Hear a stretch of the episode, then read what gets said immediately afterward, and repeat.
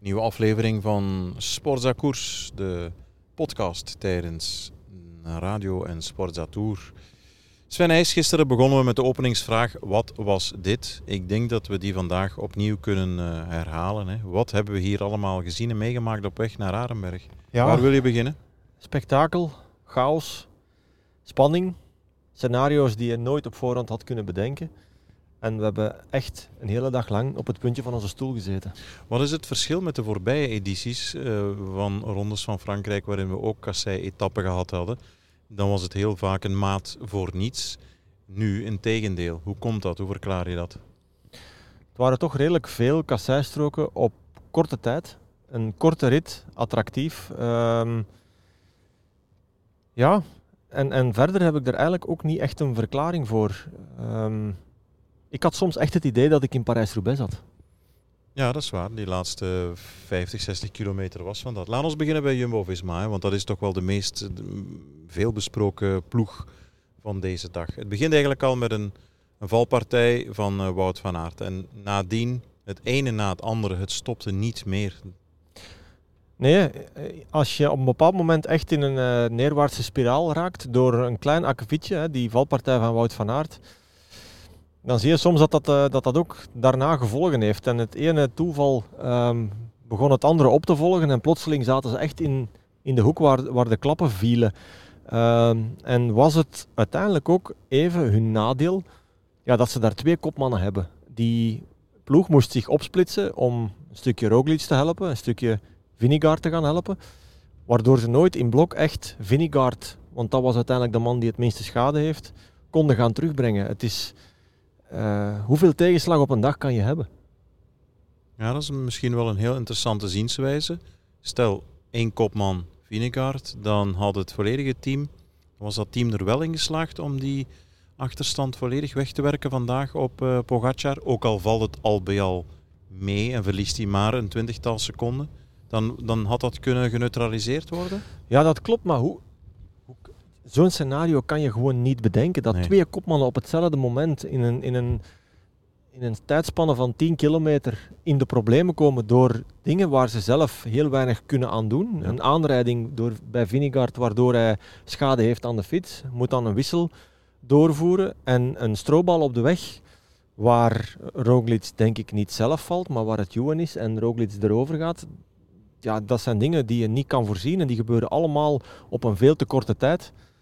Waardoor dat die ploeg plotseling echt alle hens aan dek, die jongens moesten proberen zo weinig mogelijk tijd eh, ja, aan hun broek te laten smeren. En eh, ja, ze hebben gedaan wat ze konden. Heel ver doorgeredeneerd, hè, maar Vinegaard verliest uiteindelijk maar een twintigtal seconden op Pogacar. Met dank aan de vijf vluchters vooraan, die in de finale nog een tandje bijzetten voor die ritoverwinning. Daardoor valt, of vallen Stuiven en Pogacar een beetje terug. Want anders was de schade had die veel groter kunnen zijn. Hè? Ja, dat denk ik wel. Zolang dat Stuiven het gevoel had dat hij die rit kon winnen, zag je dat de achtervolgers met Vinegaard en Roglic veel meer achterstand Ja, opliepen. die bleven op een minuut ook hangen, hè, op een bepaald ogenblik. En dan ja. zag je plotseling van het gaat naar, van 35 naar 40, 45 seconden. Ja, dan is natuurlijk ook die intentie van Stuiven om naar voren te rijden iets minder. Mhm. Roglic pakt dan wel, ehm, excuseer, eh. Pogacar wordt, Ja, pakt dan wel over. Maar hij gaf zelf ook al aan dat hij heel veel energie heeft moeten steken in het volgen van Jasper Stuyven, die duidelijk vandaag een heel goede dag had. Zijn plan ehm, echt heeft uitgedokterd. Eh, strook 3, dat was zijn strook, heeft tot dat moment geen trap te veel moeten geven en voert dat uit. Maar helaas, inderdaad, er zat een kopgroep groep voor die het heel goed had uitgekiend. En nogmaals, ehm, dat is ook vaak een kopgroep waar Taco van der Horen zich in bevindt als het eh, tot het einde draagt. Laat ons wel heel eerlijk zijn. Pogacar heeft zelfs twee, drie keer eh, aangevallen of aan verdapperd op de steden. Hè? Zonder ploegmaats. Dus hij, hij kan het, in principe kan hij het alleen. Ja, Op een terrein dat nou, maar, ja, niet echt het zijne is, want de bergen moeten nog komen. nee, maar geluk speelt hier ook een rol. Akkoord, hij heeft geluk een stukje afgedwongen vandaag. Maar als hem overkomt wat Roglic overkwam met die stroobal, wie van zijn ploegmaats ging in staat geweest zijn om die schade nog te gaan beperken? Hij heeft dat helemaal in zijn eentje geklaard vandaag. Hij dankt de ploeg, maar ik heb heel weinig van die ploeg gezien. Het is hij zelf die op kop van dat achtervolgende groepje gaat sleuren, die altijd in positie zit, die nooit uit de wind wordt gehouden. En inderdaad, dat geluk dat gaat op een bepaald moment ook eens tegen hem keren. Ik, ik, uh, ik vraag me echt af uh, hoe sterk die ploeg de komende dagen voor de dag zal komen als ook hij een keer in de hoek zit waar de klappen vallen. Nou ja, dat valt af te wachten. Ik denk dat het zeker niet het sterkste team is. Absoluut niet. Maar ja, dat, daar gaan we nog op terugkomen in de bergen. Stel Ineos en Jumbo slagen erin om hem te isoleren, dan zal hij ja, daar met een houding tegenover staan van so what, ik ben toch ook bergop een van de, zo niet de beste. Ja, en ik denk nu, natuurlijk bij Jumbo moeten ze nu uh, met z'n allen bij elkaar gaan zitten. Moeten ze een ander plan boven toveren. Voilà, en zal Roglic... nog eens, hè, want ze vertrekken niet meer van gelijke hoogte. Nee, Roglic zal nu ook veel meer in dienst gaan rijden van Vingegaard. Dat is echt in het uh, hooggebergte een luxe knecht. Mm -hmm. Als die zich wil gooien, als die de knop kan omdraaien, ja. dan gaat Vingegaard daar een heel sterke pion aan hebben. Los van al die andere mannen die ook allemaal heel sterk zijn. En dan moeten ze proberen van Pogacar ja, het leven zo zuur mogelijk te maken. En we mogen ook andere jongens niet vergeten. Vlasov is daar bijvoorbeeld eentje van. Dat gaat ook een van de vragen zijn bij Jumbo. Hoe gaat Roglic daarmee om? Om die knop om te draaien met een achterstand van twee minuten.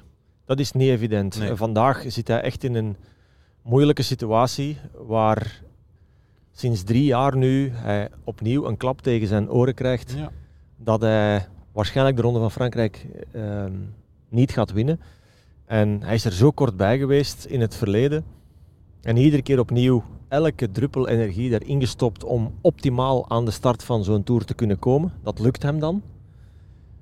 En uiteindelijk zie je dan dat uh, in rit 5 er een situatie gecreëerd wordt waar hij zelf niks kan aan doen. En dat al die energie die hij daar heeft ingestopt, ja, een maat voor niets is geweest, is, is is overdreven, maar ja. dat is wel wat er door zijn hoofd gaat. vorig jaar eruit in Tienje nam dat toen heel sportief, ruiterlijk, bijna fatalistisch, realistisch op.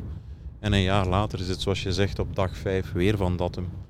Ja, en het niet is niet uit de Tour, maar twee minuten en ja, waar rij je dat nog dicht? Ja, het is niet dat hij zelf een fout heeft gemaakt. Hij zat echt goed vooraan, werd daar ook goed uh, bijgestaan door Laporte. Maar goed, ja, dan gebeurt die, uh, die domme valpartij met die strobal waar hij bij betrokken is. En dat kan iedereen overkomen. Daar heeft hij totaal geen schuld. Vind je dit, uh, jaarlijks wederkerende vraag, hè, vind je dit dan gepast binnen de context van een Tour of niet, zo'n kassei-etappe? Ik vind het ook fantastisch om naar te kijken. Parijs-Roubaix is samen met Milaan-San Remo mijn lievelingsklassieker, dus laat dat voorop staan. Ik vind het heerlijk, die kasseien. Maar in een ronde van Frankrijk wegen de potentiële nadelen, die wegen niet op, vind ik. Alles in de context van uh, voorbereiding, maandenhoogte, stage, geld, um, investeringen, die, dat, dat weegt niet op tegen één dag spektakel. Waarop ASO mikte met zo'n etappe. Ze krijgen dat dan ook vandaag. Maar als je het in een breder kader bekijkt, wordt dat spektakel van één dag misschien wel overvleugeld door een gebrek aan spanning de komende dagen veroorzaakt vandaag? Ik ben het daar niet helemaal mee eens. Ik mhm. begrijp uh, wat je bedoelt, maar ik vind uh, over een onderdeel van de wielersport. Uh, uiteraard wordt dat niet vaak gedaan, maar in andere grote rondes zien we ook gravel-etappes opduiken. Zien we ook aankomsten op bijna 3000 meter op een gravelstrookje is dat dan wel ehm, iets dat binnen een, een, een, een, ronde past. Iedereen weet op voorhand dat deze etappe in de ronde van Frankrijk gaat zitten. En als vandaag Pogacar de man is die 20 seconden verliest, dan zeggen we misschien met z'n allen, hey, deze rit heeft misschien wel een opening gecreëerd om Pogacar de overwinning niet te laten halen. Ja, dat is waar. Dat zou kunnen, dat is nu niet gebeurd, maar goed. Uh, we ronden dat thema stilaan af. Mathieu van der Poel, wat is er met hem aan de hand? Natuurlijk van op een afstand moeilijk te zeggen, maar dat het niet oké is, dat is nu wel duidelijk. Hè? Ja, er zijn maar twee opties in mijn ogen. Of hij is op iets aan het broeden en hij wordt ziek. Dan denk ik dat hij niet heel lang niet meer in de Ronde van Frankrijk uh, te zien zal zijn. Of het tweede, wat kan gebeurd zijn, is dat hij te veel energie heeft verbruikt in de Giro waar hij niet alleen op de ritten waar hij, waar hij echt winst pakt, uh, de trui draagt en zo verder, maar ook in al die andere ritten in elke ontsnapping zit en, en daar ook een spel van maakt en dat leuk vindt. En dat is typisch ook Mathieu van der Poel, maar denk dat hij daar nu een prijs voor betaalt. Ehm, het is voor het eerst dat Mathieu van der Poel een grote ronde rijdt.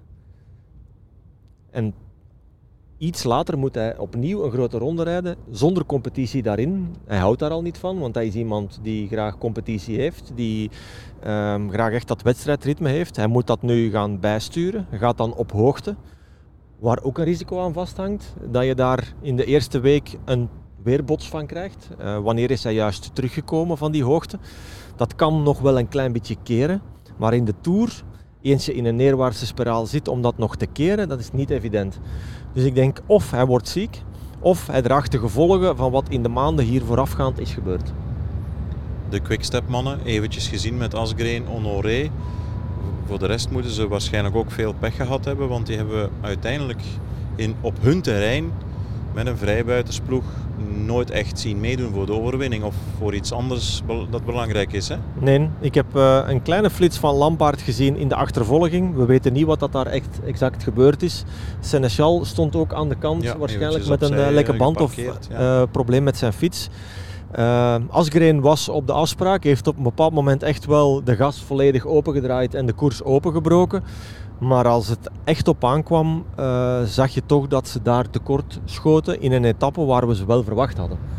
Uh, goed, ja, het is, het is niet evident om iedere keer op die afspraak te zijn. En je merkt dan toch dat het ook bij die ploegen, die daar echt in gespecialiseerd zijn, af en toe een keertje kan mislopen. Waarom dacht jij dat de vlucht van de dag met zo'n sterke mannen het niet zou kunnen uitzingen tot het einde, wat uiteindelijk wel gebeurd is? Ik ging uit van een sterke Mathieu van der Poel, een sterke Wout van Aert, die uh, met hun ploegen um, de ambitie hadden om niet alleen in het geval van Van Aert de gele trui te houden, maar vooral ook deze hele mooie etappe te gaan winnen. Zet daar nog eens de ploeg van Alpecin de Koning bij, die volgens mij wel op de afspraak waren. Als je zag hoeveel werk er is opgeknapt om Jasper Philips echt vooraan te houden. En hij zat daar ook in die achtervolgende groep. Pak daar een Mathieu van der Poel bij. En dan denk ik dat ze in staat zijn om die groep terug te pakken en te sprinten voor de overwinning. Maar die vallen dan plotseling weg door omstandigheden, niet goed genoeg, pech en zo verder.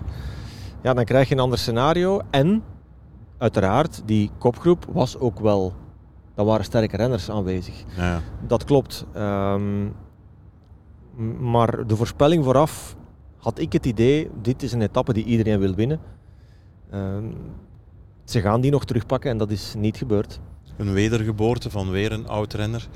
Zoals Sagan die, uh, en Grant Thomas, hè, de oudjes. Dat is een klein themaatje geweest uh, rondom Zwitserland, Dauphiné. Boas Hagen, die opnieuw ja, boven water komt.